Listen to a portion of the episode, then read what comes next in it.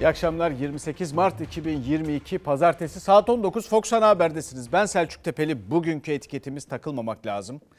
Biliyorsunuz iktidar kanadından, bakanlardan köprüler için verilen geçiş garantisi, araç geçiş garantisi ile ilgili 6 bin 45 bin gibi bir fark olunca günlük takılmamak lazım araç sayısına demişti. Gerçekten ileride çok işimize yarayacak ama finansman modeline bakıldığı zaman insanların takılmaması çok zor. Çünkü parayı ceplerinden ödüyorlar geçmeseler de. E, inşallah daha çok insan geçer, daha çok araç geçer. Dolayısıyla yük de hafifler bir miktar. Onun dışında gerçekten takılmamak lazım diyebileceğimiz olaylar, meseleler de yaşıyoruz bir yandan. Bir yandan da Boğaz'da e, biliyorsunuz bir e, mayın imha edilmişti. Şimdi ikincisi İğneada açıklarında imha edildi. İkinci mayın ortalıkta boş mayınlar da dolaşıyor. Onlara da takılmamak lazım. Bakın iki gün üç gün arayla çıkıyor. Şu an Karadeniz için ciddi bir tehlikedir. Son anda fark ettik. 200 metre kalmıştı ki hemen dönüş yapıp ağımızı basıp haber verdik herkese yaklaşmayın buraya diye. Rus gemilerine karşı Ukrayna'nın kıyılarına yerleştirdiği fırtına nedeniyle açığa sürüklenen mayınlardan bir diğeri Kırklareli İğneada açıklarında tespit edildi. Balıkçı teknesinin kaptanı son anda fark etti. Hemen yetkililere haber verdi. Sualtı savunma timleri iki gün arayla ikinci mayını etkisiz hale getirdi. Panikledik hemen haber verdik telsizden söyledik herkese. Hemen sahip olay yerine geldi. Deniz uçağı geldi tespit ettiler yeri. İğneada açıklarında tespit edilen mayın sualtı savunma timleri tarafından etkisiz hale getirildi. Başıboş mayın tehlikesi bu defa Karadeniz'de İğneada açıklarında ortaya çıktı. Daha önce de Boğaz'ın girişinde tespit edilmiş, imha edilmişti. Ekmeğini denizden kazanan balıkçılarsa tedirgin mayınla karşı karşıya gelip fark edememekten korkuyorlar. Onun yanından 6 tane tekne geçmiş. Yani görmemişler. Arkalarından ben geçtim bana denk geldi. Ben yukarıdaydım. Dümende olduğum halde yani göremedim. Aşağıdan dışarıdan gördüler. Görmemiz zor oldu. Balıkçıların su üstü radarında e, görülebilir. Sonar dediğimiz bunlar biraz zor çünkü satın üstünde bunlar. Gece seyirlerinde bence risk altında. Tehlikeyi arttıran tespit edilmesinin zorluğu. Önce İstanbul Boğazı'nın Karadeniz girişinde ardından Kırklareli İğneada açıklarında görülen mayınların sayısı eski mayın filosu komutanı emekli tüm amiral Cem Gürdeniz'e göre artabilir. 420 mayından bahsediliyor. 300 tanesi bu sürüklenen tip olsa %10 diyelim ki e, kopma payı versek 20-30 mayından bahsediyoruz. Serseri bir mayınla baş etmenin en önemli yolu gözcülük, e, havadan gözetleme, görüldüğü andan itibaren de o mayını etkisiz hale getirmek. Mayın arama gemileri teyakkuzda. Havadan da çalışmalar devam ediyor. Büyük risk nedeniyle geceleri balıkçılık yasağı sürüyor. 20 kiloluk bir patlayıcı bu. Bu tabii ki bir gemiye çarptığı takdirde o gemiye batırabilir veya tonajına göre yara verebilir. Kıyı tesisine çarptığında da hasar verir, infilak eder, yangın çıkarır. Bir yandan da savaş 33. gününü tamamlamak üzere ve barış umudu İstanbul'da.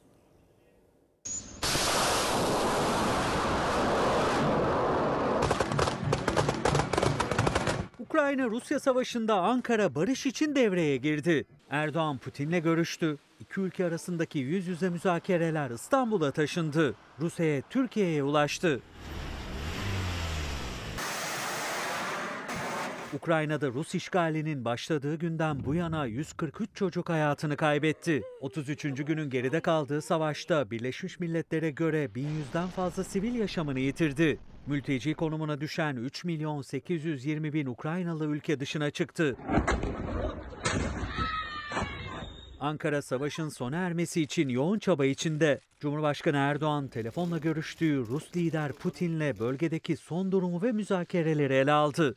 Dünyanın gözü Rus ve Ukrayna heyetlerinin buluşacağı İstanbul müzakerelerine çevrildi. Müzakerelerin ilerleme kaydetmesi ve savaşın bir an önce sona ermesi için girişim ve çabalarımız devam edecek. Ukrayna Devlet Başkanı Zelenski, Türkiye'de yüz yüze görüşmelere ihtiyaç olduğunu vurguladı. Rusya'nın talep ettiği tarafsızlık statüsüyle ilgili anayasada değişiklik sinyali verdi. Güvenlik garantileri, tarafsızlık ve nükleer silahı olmayan bir devlet statüsü bunlara hazırız dedi. Müzakere heyetlerinin görüşmesiyle ilgili Kremlin'den olumlu mesajlar geldi. Sözcü Peskov, yüz yüze müzakerelerin video konferansa göre daha etkili olacağını savundu.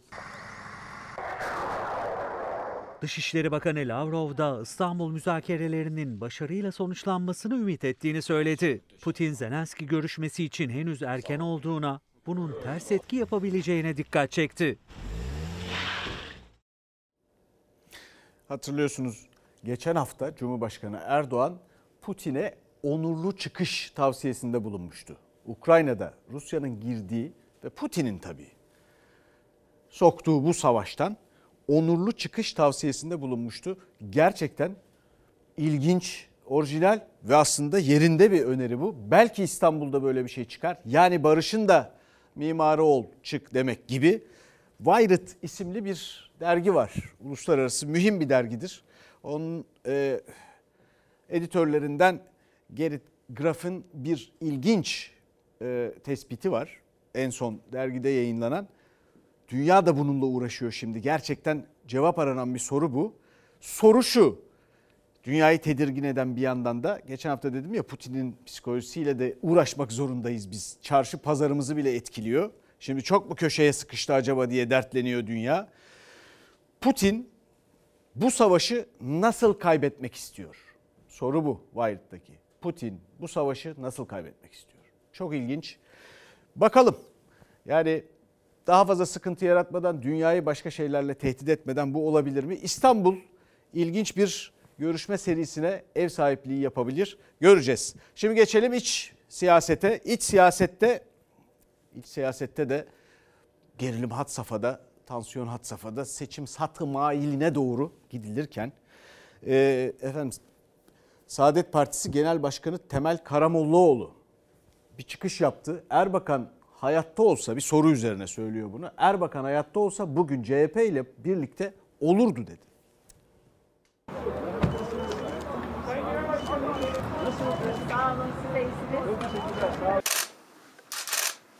Geçtiğimiz ay içinde yaşanan siyasi gelişmeleri değerlendirdik ve bu bağlamda birlikteliğimizi bozmayı amaçlayan seçim kanunu teklifi üzerinde görüş alışverişinde bulunduk. Altı Muhalefet Partisi'nin ikinci zirvesinden sonraki açıklama Cumhur İttifakı'nın seçim kanunu düzenlemesini muhalefetin birlikteliğini bozmaya yönelik olarak değerlendirdi altı lider. Milletimizin bilmesini isteriz ki demokratik ilkelere dayanan birlikteliğimiz bu gibi siyasi mühendislik çabalarından etkilenmeyecektir. İşbirliğimizi uyum içinde sürdürmeye kararlıyız.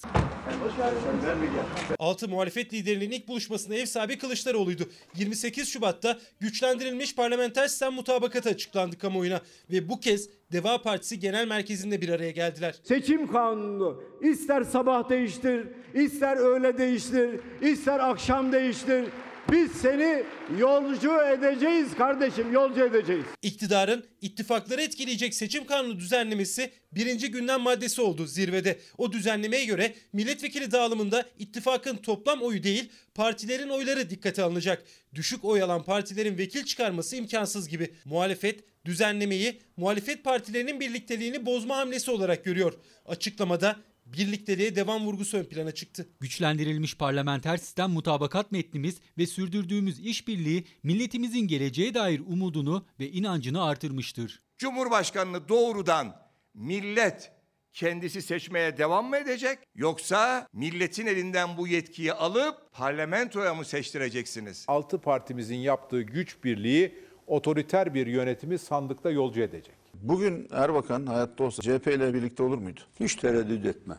Kesinlikle olurdu. Bugün bizim güttüğümüz politikaları belki bizden çok daha ileri safhada gündeme getirirdi. Sayın Karamollaoğlu'na bizim bir sualimiz var. Rahmetli Erbakan CHP'nin tavrına hamletmişti. Yaşarken çok net kayıtlar düşmesine rağmen Erbakan'a bühtanı nasıl içinize sindiriyorsunuz? Özal başbakanken meclisteki konuşması açık. Onun karşısında bulunan bütün partileri bir araya gelme, içinde Ecevit de dahil o zaman. Evet. Herkesi bir araya gelip bir muhalefet sergilemeye davet etmişti. Mecliste, kürsüden. Saadet Partisi lideri Karamollaoğlu CHP ile birlikteliğine yönelik eleştiriye yanıt verirken Necmettin Erbakan da hayatta olsaydı bugün CHP ile birlikte olurdu dedi. Arşivi de açarak Erbakan Ecevit iktidar ortaklığını da hatırlatarak. 1974 koalisyonu tarihi bir değere sahiptir. 6 muhalefet partisinin ikinci yuvarlak masa toplantısı da yapıldı ve burada öncelik seçim güvenliği mesajı çıktı.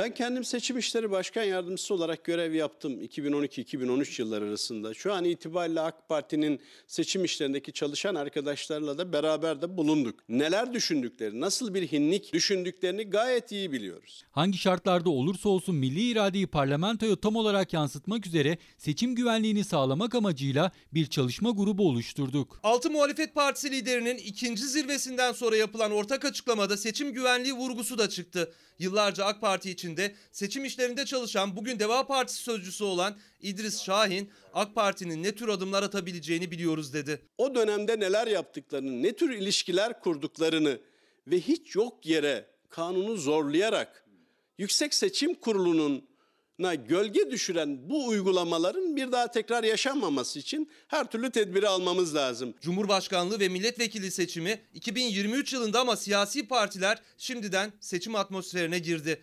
Açıklamalarıyla da seçim güvenliğine ilişkin çalışmalarıyla da. Milli iradeyi parlamentoya tam olarak yansıtmak üzere seçim güvenliği en öncelikli konu haline gelmiştir. Güçlendirilmiş parlamenter sisteme geçiş mutabakatını imzalayan 6 muhalefet partisi liderinin ortak açıklamasında seçim güvenliği için bir çalışma grubu oluşturulacağı açıklandı. Muhalefet sandık güvenliğini eksiksiz sağlamak istiyor. Travmalarımız var. İşte 2017 referandumunda bir travma yaşadık. Bir trafo merkezine bir kedi girdi ve kısa devre yaptı. 31 Mart akşamı gördük ki kazanılmış bir seçimin kaybedildiğini söyleyenler var. Hiçbir şey olmamış ise biz diyoruz ki kesinlikle bir şeyler oldu. Referandumdaki o damgasız mühürsüz oy pusulalarından başlayıp özellikle 2019 İstanbul yerel seçimlerindeki Yüksek Seçim Kurulu'nun kararları nedeniyle Vatandaşlarımız Yüksek Seçim Kurulu'na geçmişte duyduğu güveni duymuyor. AK Parti içindeyken seçim işleri başkan yardımcısı da olan Deva Partisi sözcüsü İdris Şahin'e göre AK Parti ilk seçimde bazı adımlar peşinde. Sandık kurullarının oluşumunda özellikle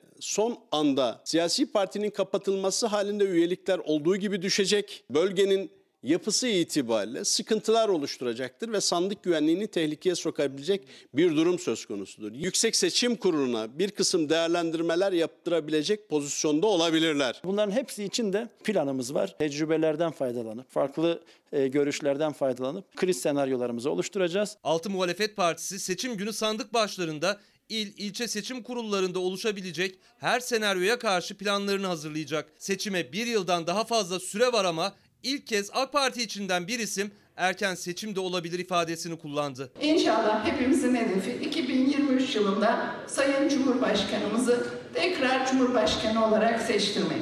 Onun için de önümüzde kısa bir süre var. Ha erken seçimden falan bahsetmiyorum. Ha erken seçim de olabilir. Bizim seçim diye bir derdimiz yok.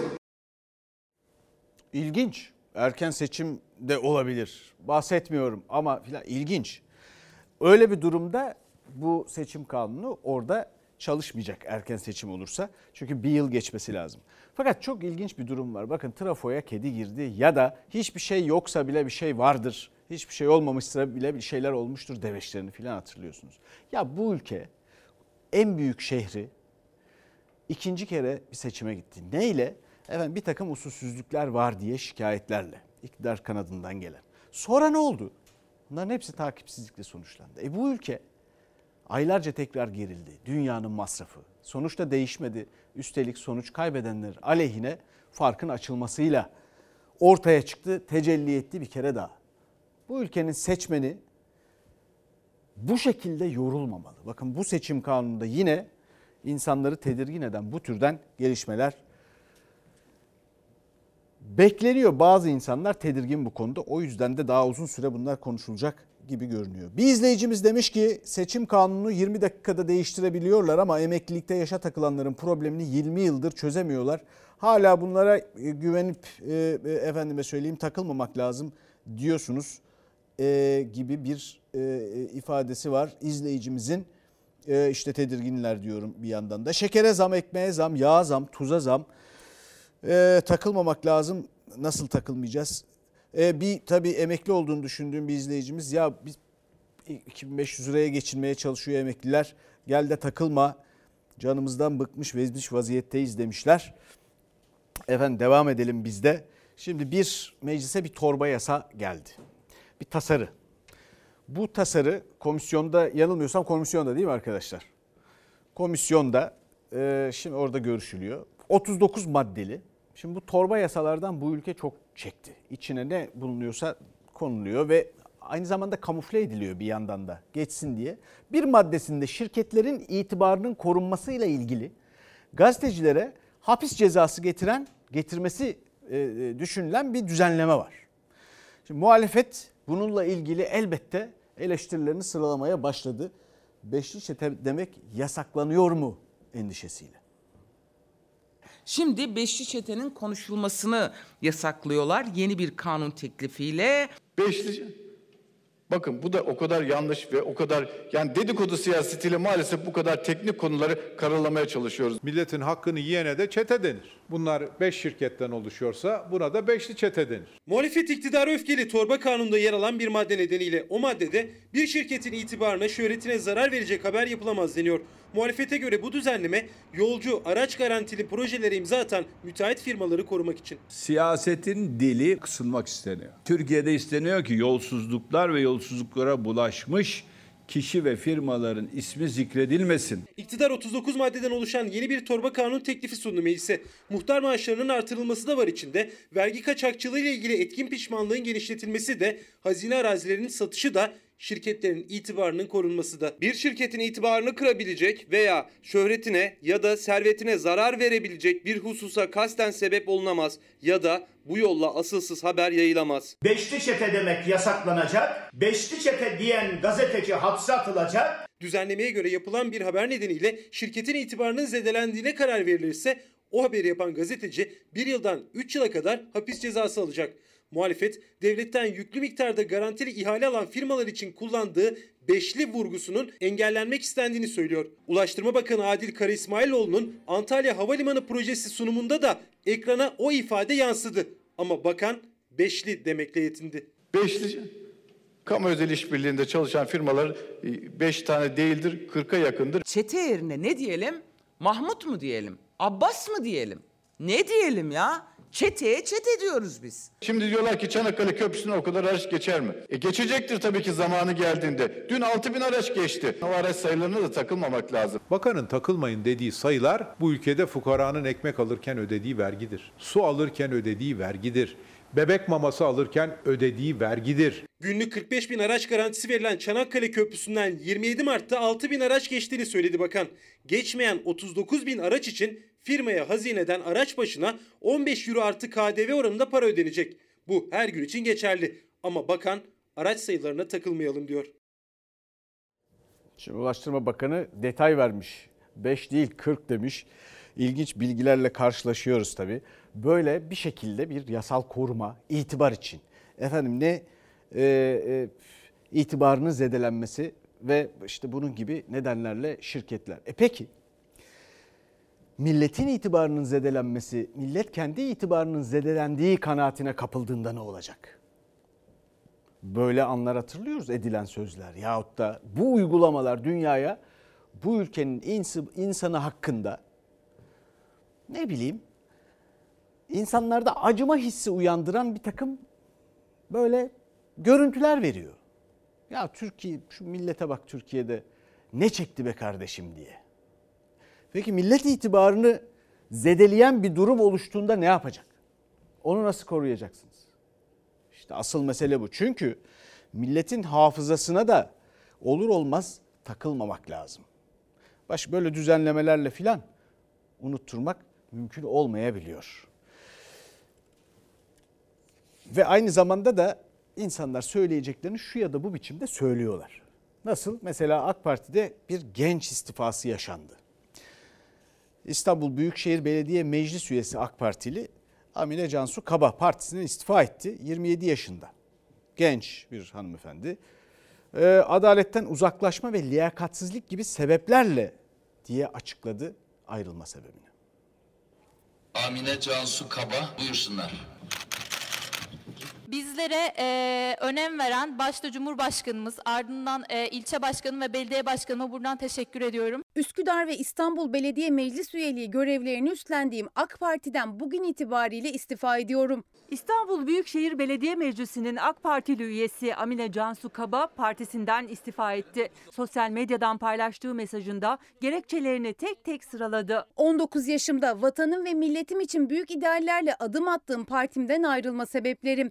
Adaletten uzaklaşma, zaman içinde insanların itibarsızlaştırılması, makam ve mevki sahiplerinin liyakatsizliği ve başta gençlik olmak üzere umudun yok edilmesine kadar giden bu yolda vicdanları yaralayan ve bu kadarı da olmaz dediğimiz yanlışlardır. Bu kadarı da olmaz dedirten neydi açıklamadı. Bundan 3 sene önce ise Ekrem İmamoğlu yeni yönetimin ilk meclis toplantısında geçici divan katibi olarak seçmişti Amine Cansu Kaba'yı. Genç arkadaşıma bugünün e, anısına duygularını paylaşmak için isterlerse mikrofona seslenebilir. O gün Cumhurbaşkanı Erdoğan'a teşekkür etmişti Kaba. Sonra da yine Erdoğan'a seslenmişti. Ben buradan e, Sayın Cumhurbaşkanıma e, şunları söylemek istiyorum.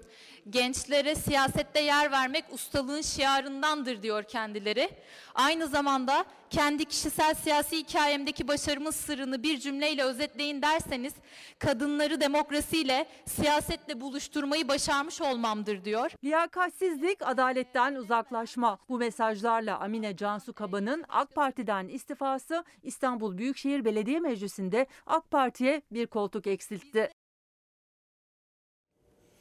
Cumhurbaşkanı Erdoğan, Cumhurbaşkanı Erdoğan Tokat'ta bir şifa karışımı önerdi biliyorsunuz.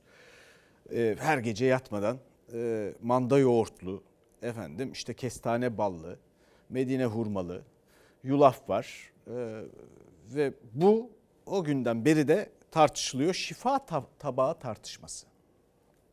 Saraylılar açlıktan verem olana kestane balı yediyorlar. Tok açın halinden anlamaz. Şunu yapıyorum. Her akşam yatarken manda yoğurdu. Onun içine Medine hurması doğrarım. Üç tane veya beş tane. Çay kaşığı kestane balı ve bir de içine yulaf. Ne 10 milyon asgari ücretliden ne de aylık 1192 TL ile geçinmeye çalışan 9 milyon 482 bin yurttaştan haberi var. Bu dörtlüyü karıştırarak yer yatarım. Şifa. Manda yoğurdu, Medine hurması, kestane balı, yulaf ezmesi. Cumhurbaşkanı Erdoğan'ın tavsiye ettiği şifa karışımına muhalefetten alım gücü yok vatandaş geçim derdinde eleştirisi sürerken AK Partili Alpay Özalan kendi hesabıyla maliyet tartışmasına dahil oldu. Kimse 3 kilo malzeme tüketemez tek seferde. Hesaplayınca muhalefetin üzerinde tepindiği öğün 50 TL yapıyor. 50 TL'yi küçümsüyor. 50 TL ne yapıyor biliyor musun? Çarpı 30 1500 TL yapıyor. Cumhurbaşkanının şifa karışımı için gerekli malzemelerin fiyatını paylaşan CHP sözcüsü Faik Öztrak maliyeti 402 lira olarak hesaplamıştı. 30 günde tüketilse öğün başına 13 lira 4 kuruş ediyor. AK Partili Alpay Özalan'ın yaptığı hesapsa aylık 1500 lira. Yani muhalefetin hesabının 3 katından fazla. Sadece akşam yatmadan yiyeceğin şey bunun hesabına göre 1500 TL yapıyor. 4 kişilik aile içerisinde 6000 TL yapıyor. 900 lirayla geçinen hala milyonlarca dul ve yetim var. Manda yoğurdu kalitedir, çok iyidir. Bunu yapın, çok çok faydalı. Şifa. Toplumdan kopunca böyle oluyor. Biz de sokaktayız. Ağlayan emeklileri gördük. Cumhurbaşkanımız o kadar kalbi, o kadar samimi, o kadar içten ki sıhhate dönük bir takım tekliflerde bulunuyor. Neymiş? Cumhurbaşkanı sağlıklı beslenmeyi önermiş. Milletin bırakın manda yoğurdu yemesini evine ekmek götüremiyor, simit alamıyor, süt alamıyor millet. Siz ve vekilleriniz milletle kafa buluyorsunuz. AK Parti cephesinden manda yoğurtlu, kestane ballı, Medine hurmalı şifa karışımı için Cumhurbaşkanının samimiyeti açıklaması gelirken muhalefet Erdoğan milletten koptu tepkisini sürdürüyor.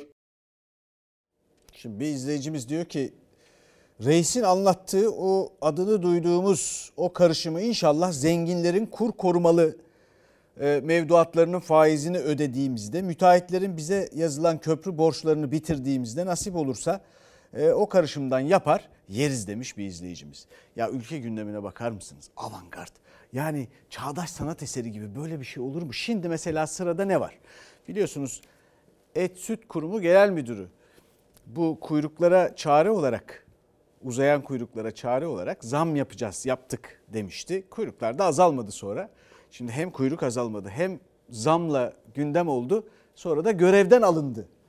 Et Süt Kurumu Genel Müdürü görevden alındı. Ama bu sektörde tarımda ve hayvancılıkta tartışmalar bitecek gibi değil. Neden? E çünkü şimdi bütün bu şifa karışımı falan filan üstüne bir de Tokat'ta hayvan üreticileriyle bir araya gelen Cumhurbaşkanı Erdoğan Uruguay'dan hayvan getirmeye çalışıyoruz dedi. Uruguay'dan hayvan getirmeye çalışıyoruz dedi. Peki nereden çıktı bu Uruguay? Yavrum zamsız deyin geldik biz ne alacağız bilmiyorum şimdi. Bizim fiyatlar çok düşüktü. Piyasanın %66 daha altında bir fiyatımız vardı. Bu nedenle çok uzun kuyruklar oluşuyordu. Bu nedenle biz fiyatı arttırdık. Et ve Süt Kurumu Genel Müdürü Osman Uzun, kuyrukların ardından kurumun satış mağazalarında ete yapılan %48'lik zammın ardından kurdu bu cümleleri. Çok da tartışıldı. Kurumundan sözleri mecrasından uzaklaştırıldı açıklaması gelmişti ama iki gün geçmeden Osman Uzun görevinden alındı. Yerine eski Hayvancılık Genel Müdürü Mustafa Kayhan getirildi. Türkiye ise kırmızı et için arayışına devam ediyor. Şu anda Uruguay'dan hayvan getirmeye çalışıyoruz. Vahit Bey şu anda Türkiye için et hayvancılığında hayvan arıyor. Uruguay'da hayvan arandığına yönelik bir çalışma mı var diye sorduğumuzda e, bakanlıktaki hiçbir yetkilinin bundan haberinin olmadığını söylüyorlar. Cumhurbaşkanı Erdoğan Tokat'ta üreticilerle buluşmasında açıkladı. Uruguay'dan hayvan ithalatı bir kez daha gündeme oturdu. Milli Gazete tarım yazarı Saadettin İnan'a göre Tarım Bakanlığı'nın böyle bir hazırlığı yok. Et lobisi bu fırsatları çok iyi değerlendiriyor. Yani bakanlığın bile üstünde bir e, yapı var ki bu yapı bir şekilde farklı çalışıyor. İthal yapacaklarını bizi destekleseler bizi üretmek istiyoruz yani. Ben de üretim yapmak istiyorum. Ben de bu işi çok seviyorum ve bırakmak istemiyorum. Şu anda çünkü kırmızı ette et hayvancılığında ihtiyacımız var. Niçin ta Uruguay'dan alalım?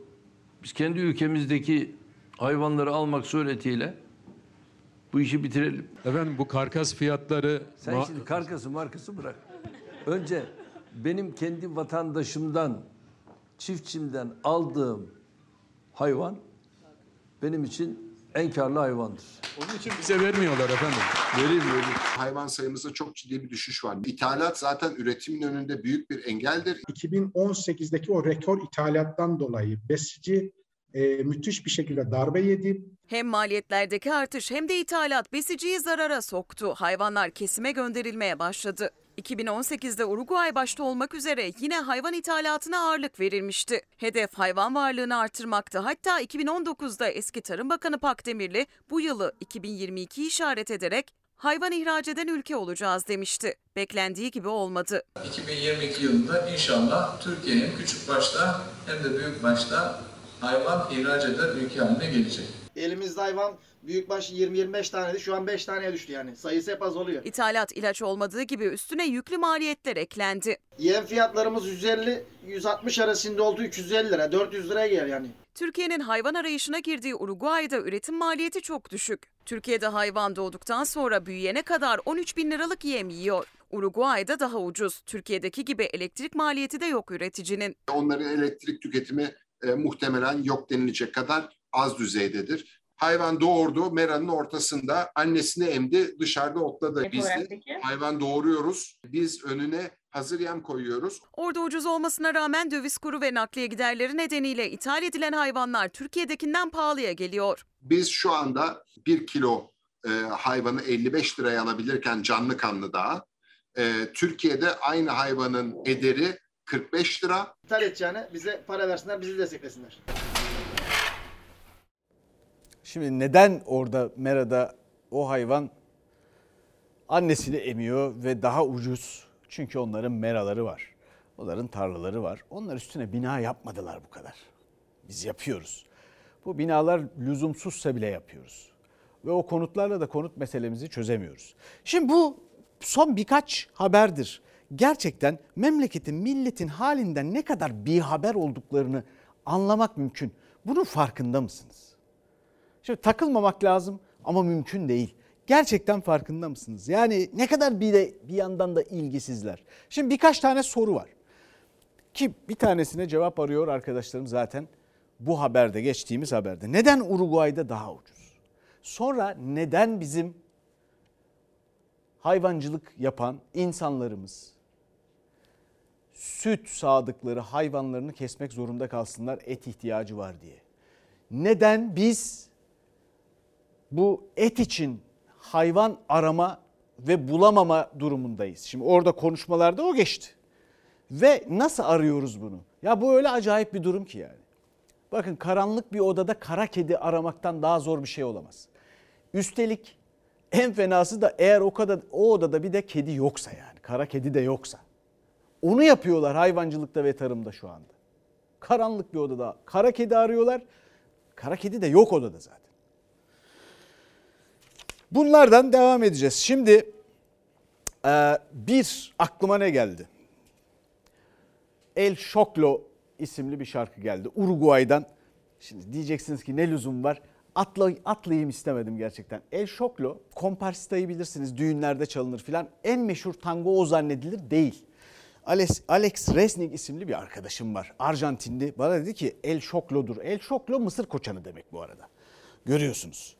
İsmi de şöyle yazılıyor. El Şoklo diye. C-H-O-C-L-O.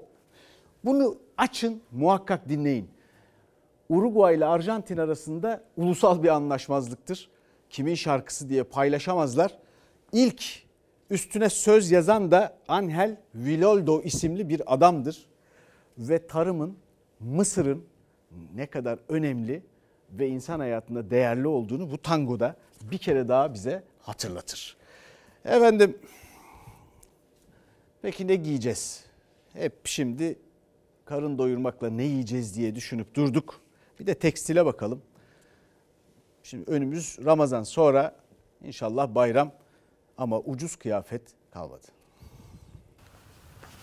Bu takımın fiyatı 1.750 lira barkod fiyatı etiket AVM'lerde. Bunu 800 liraya satamıyorum çünkü alıcı yok. Alamıyor. Alım gücü yok. Eskiden alabilir gücümüz vardı. Şu anda alım gücü sıfır. Takım elbise baktınız mı? Baktım. Alabildiniz. Yok alamadım. Ucuz kesinlikle kalmadı. Zaten baksanız siz de göreceksiniz. Mağaza sahipleri müşteri bulamamaktan, müşteriler de artan fiyatlardan dertli. Piyasaya göre daha uygun fiyatla giysi satan mağazalar bile artık boş. Kazandıkları masraflarını zor çıkarıyor. Düğün sezonu hareketlenmeye başladı ama umutları pek yok. İnsanlar takım elbise alamıyorlar.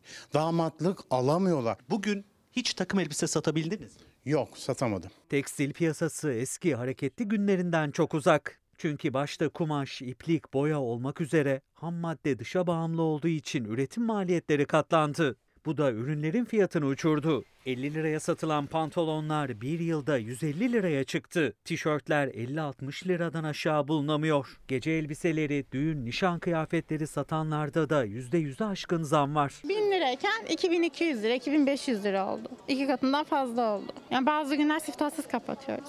Eskiden 7 kişi şu anda bir kişi çalıştırıyorum. Ben firma sahibi, mağaza sahibi olarak ben de servis yapıyorum. Çalışıyorum. İstanbul Bağcılar'da bulunan 500 metrekarelik bu mağaza düğün sezonuna girilmesine rağmen bomboş. Mağaza sahibi başta kira ve faturalar olmak üzere aylık 30 bin liralık giderini zor karşıladığını söylüyor. Elektriğe gelen zamlar tamamen belimizi büktü. Piyasaya göre çok uygun satıyoruz ve şu bir iki senedir ettiğim zararı hiçbir yerde etmedim. Bulunduğumuz mağazada takım elbiseler geçen yıl ortalama 300 liraya satılırken şimdi aynı elbiseler 800 liraya satılıyor.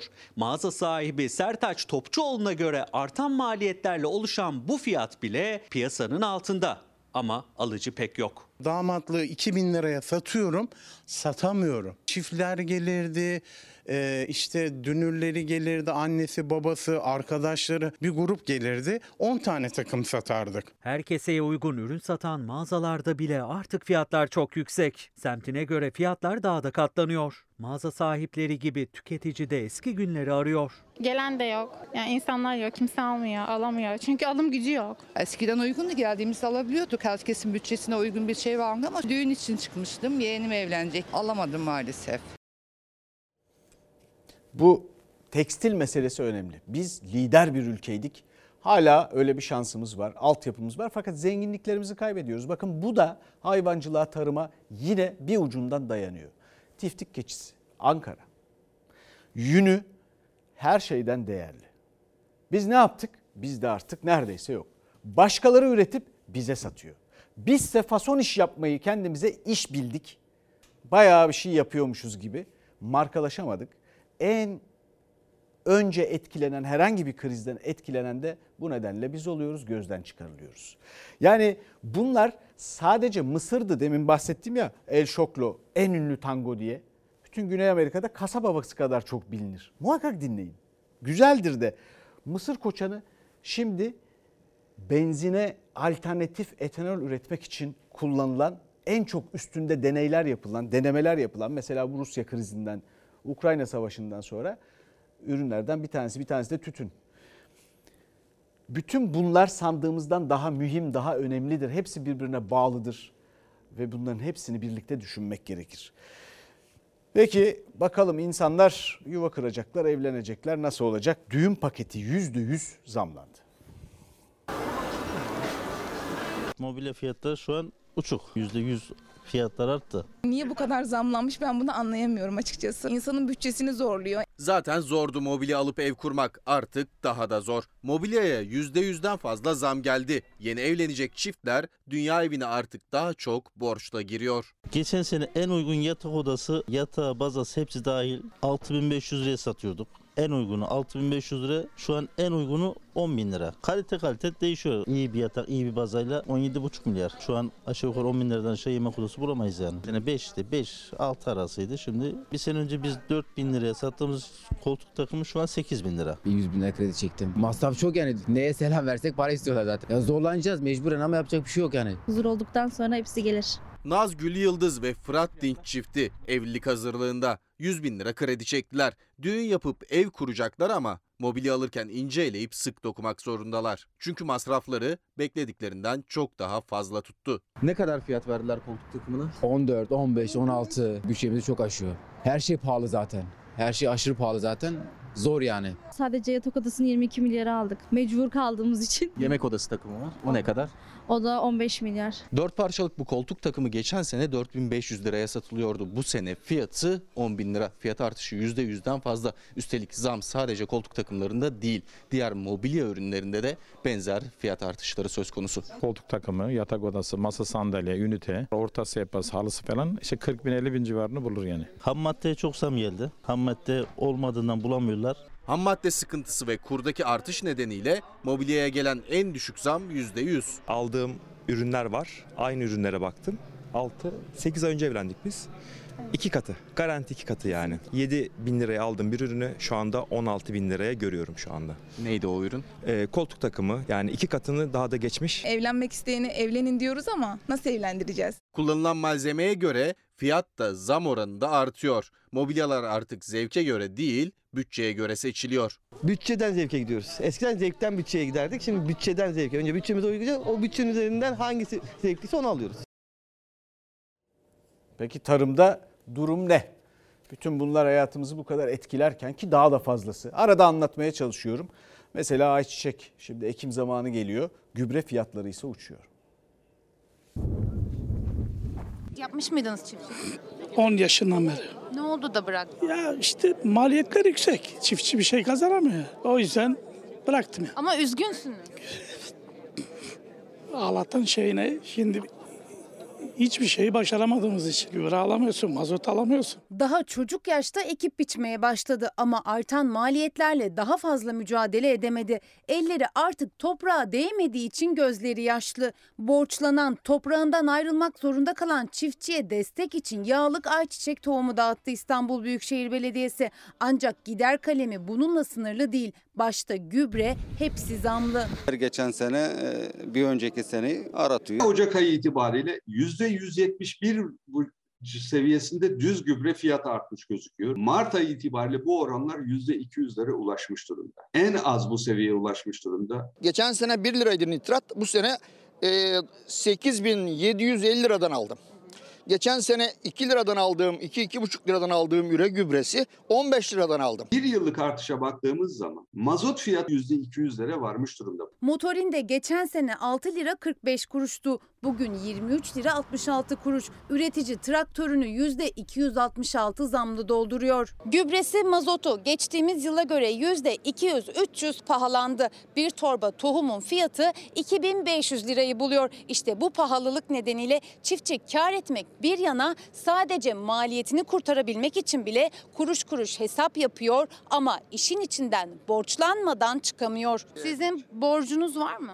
Olmaz mı? 500 milyar borcum var. Tarlalardan birazı gidecek zaten ipotekli. Çiftçinin en küçük desteğe bile ihtiyacı var. Tıpkı bu alandaki yüzlerce çiftçi gibi neredeyse hepsinin borcu var. Ya borcu borçla kapatıyorlar ya da arazilerini satıp borçlarını ödemek zorunda kalıyorlar. Satılan arazilerse tıpkı arkadaki binalar gibi betona dönüşüyor. Tek derdimiz var. Bu şehrin tarlaları beton olmasın. İstanbul Büyükşehir Belediyesi de çiftçiyi desteklemek için yağlık ayçiçek tohumu hibe etti. 1500'den fazla çiftçiye 2000'den fazla torba tohum verildi. Hedef 70 bin dekarın ekilmesi. Böylece ayçiçek ekim alanlarını ve üretimi arttıracağız. Çiftçimize de bir nebze nefes aldıracağız. İstanbul Büyükşehir Belediyesi'nin bütçesi birçok ülkenin bütçesinden büyük. Tarıma, hayvancılığa, çiftçiye, köylüye daha fazla destek ayrılmasını talep ediyorum. Ben Milliyetçi Hareket Partisi Grup Başkan Vekiliyim. Bu konuda Ekrem Bey'in ve ekibinin İstanbul Büyükşehir Belediyesi'ne atacağı her adımın arkasında olacağıma burada sizlerin huzurunda söz veriyorum. Tohum desteği çiftçinin yüzünü biraz olsun güldürdü ancak düşmesini istedikleri diğer maliyet kalemleri ödenmeyi bekliyor. Yani yakıtta da biraz de, biraz yarı yarı destek olması lazım. Şu memleketin kalkınması için çiftçiye çok büyük destek vermesi önce bundan başlaması gerekiyor. Gerisi zaten gelir bir daha. Silivri Belediye Başkanı Volkan Yılmaz'ı duydunuz. Duymaya alışmadığımız bir işbirliği kapısı. Ekrem İmamoğlu'nun yaptıklarını görüyorsunuz. Ki Volkan e, Yılmaz da aynı zamanda çiftçiye orada Silivri'de pek çok katkıda bulunuyor. Dolayısıyla buna ihtiyacı var bu ülkenin. Aynı zamanda tabii büyük şehirden alet edevat e, desteğine de ihtiyaç var. Çünkü makine yetersiz bir takım kaçak binaların yıkılması lazım filan. Duydunuz şeyi de çiftçimizi de ne dedi? Tarlaların birazın gidecek zaten ipotekli. Kim gelecek? Birileri gelecek bina yapacak. Sonra biz de üstüne konuşacağız. Ya Japonya nasıl kalkındı? Teknoloji devi oldu. Köy sermayesini doğru kullanarak. Halil İnalcık bakın okuyun Atatürk ve Demokratik Türkiye kitabında bakın. Efendim devam edelim. Gençler bu arada iş arayışında gençlerin iş arayışı zor. Gerçekten zor.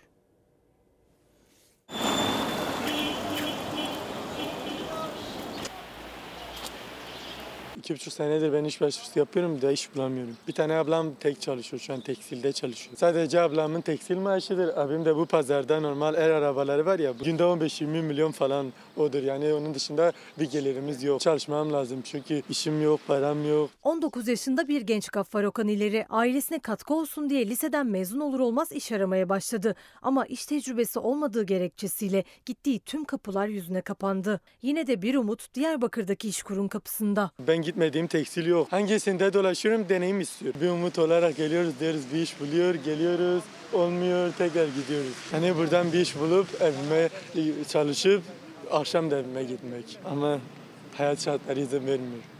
Diyarbakır'ın ve bölge illerinin en temel sorunu işsizlik. Özellikle de genç işsizler geçim sıkıntısı ve gelecek kaygısıyla boğuşurken bölgedeki işsizlik mecburi göçe de zorluyor. Mesela benim abim de var. İstanbul'a gidiyor bu asma tavan açıpan işi gidiyor çalışıyor. Ben burada iş bulamazsam giderim birkaç güne kadar. Orada ne yapacaksınız?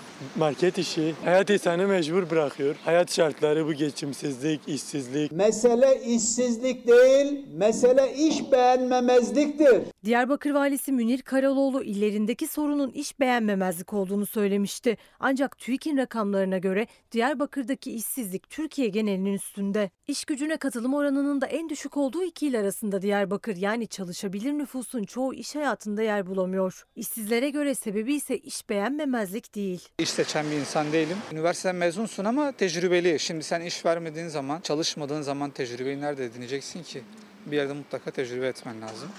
İşte o fırsat verilmiyor maalesef. Tecrübe yok maalesef. Çünkü iş yok. İş Gastronomi okudum. İş arıyorum ama iş yok. Yaklaşık iki yıldır arıyorum. Sürekli arıyorum ama maalesef. TÜİK verilerine göre de işsizlik oranının en yüksek olduğu bölge Güneydoğu Anadolu bölgesi. İstihdamda da en son sırada yer alıyor. Aylarca hatta yıllarca iş bulma umuduyla iş kura gelenlerin çoğu da artık bu kapıdan umudu azalarak çıkıyor. 2013'ten beri işsizlik başvurusu yaptım. Geri dönüş olmadı. Artık umut kalmadığı için biz de başvuramıyoruz. Bu ülkede genç olmak o kadar tatlı ki. Geleceğe o büyük o kadar büyük bir ümitle bakıyorum ki Allah'ın izniyle yanılmayacağım. Hazine ve Maliye Bakanı Nurettin Nebati gençler adına ümitli. Gençlerin ise iş bulamadıkları her gün umutları biraz daha kırılıyor. Bu ülkede mülakat gerçeği var. Torpil gerçeği var. İstihdam aslında sadece Diyarbakır'da değil, ülkenin hiçbir yerinde yok. Ve Oscar'da tokat gündemi. Will Smith just smacked. Will Smith'in Oscar törenini sunan Chris Rock'a attığı tokat ödül heyecanını gölgede bıraktı. Amerika'nın Los Angeles şehrinde düzenlenen 94. Oscar ödül töreni yıllarca konuşulacak bir skandala tanıklık etti. Törenin sunucularından komedyen Chris Rock sahnede espriler yapıyordu. Jada, I love you. Sunucu bir süre sonra sözü Will Smith'in saç kıran hastalığına yakalanan eşine getirdi. Jane Smith'in saçını kazıtmasına laf atarak G.I. Jane filmine gönderme yaptı. G.I. Jane 2, can't wait to see it. All right? Ünlü oyuncu önce espriye güldü ardından sahneye doğru yürüdü. Herkesin gözü önünde canlı yayında sunucuya tokat attı. Oh, wow. Wow. Salondakiler yaşananların gerçek mi mizansen mi olduğunu anlamaya çalışırken Will Smith sunucuya bağırmaya başladı.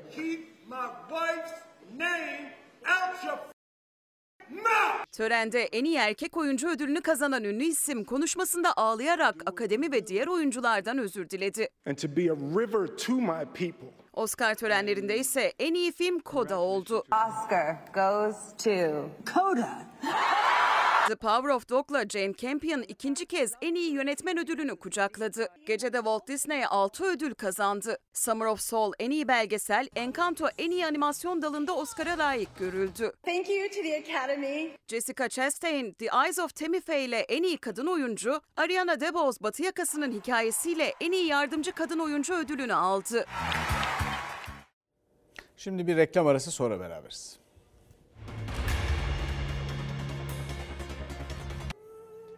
İstanbul Büyükşehir Belediye Başkanı Ekrem İmamoğlu'nun bir ucundan bir ucuna İstanbul'un köylerine, köylüsüne, çiftçisine ayçiçeği tohumu dağıttıkları o törende konuşurken söylediği şu söz çok çok önemli. Tarım alanlarını korumamız lazım. Özellikle de sadece İstanbul'da değil, İstanbul çok önemli de bütün büyük şehirlerin etrafındaki tarım alanlarının korunması lazım. Evet ülkemizin bazı bölgelerinde sadece yetişen kimi e, e, ürünler var. Ama bazıları da ve pek çoğu da ülkemizin her yerinde yetişiyor. Bunları çok uzun, uzun mesafelerden getirdiğimiz zaman maliyetleri çok yükseliyor. Biz ancak bu şekilde enflasyonu kontrol altına alabiliriz. En azından böyle başlayarak. Bununla ilgili daha pek çok şey söyleyeceğiz. Ee, çünkü bunun cevap bulduğunu, ilgi bulduğunu, üstüne çalışan siyasiler de olduğunu görüyoruz. Teşekkür ediyoruz. Biz de bu konunun arkasındayız, takipçisiyiz, destekçisiyiz. Efendim bizden sonra Yasak Elma var yeni bölümüyle. Yarın görüşmek üzere.